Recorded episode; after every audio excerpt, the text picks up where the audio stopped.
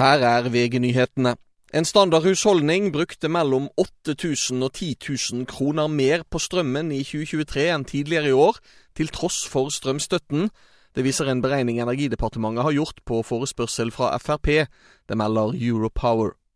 Inflasjonen i eurosonen sank til 2,6% på årsbasis i februar, som følge av lavere priser på energi og matvarer, ifølge EUs statistikkbyrå. Sjeføkonom Kyrem. Knutsen betegner det som skuffende at det ikke sank mer, og mener dette er dårlige nyheter for de som ønsker seg rentekutt. Det melder NTB. Justis- og beredskapsdepartementet får krass kritikk etter lånet som Nasjonal sikkerhetsmyndighet tok opp til husleie, og som førte til NSM-sjefens avgang. Utvalgsleder Svein Gjedrem la fram rapporten.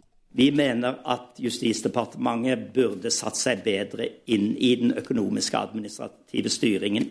Equinor har gjenopptatt helikoptertrafikken til Nordsjøen i dag. Det var for øvrig 61 år gamle Reidun Hestetun som omkom i ulykken utenfor Sotra onsdag kveld.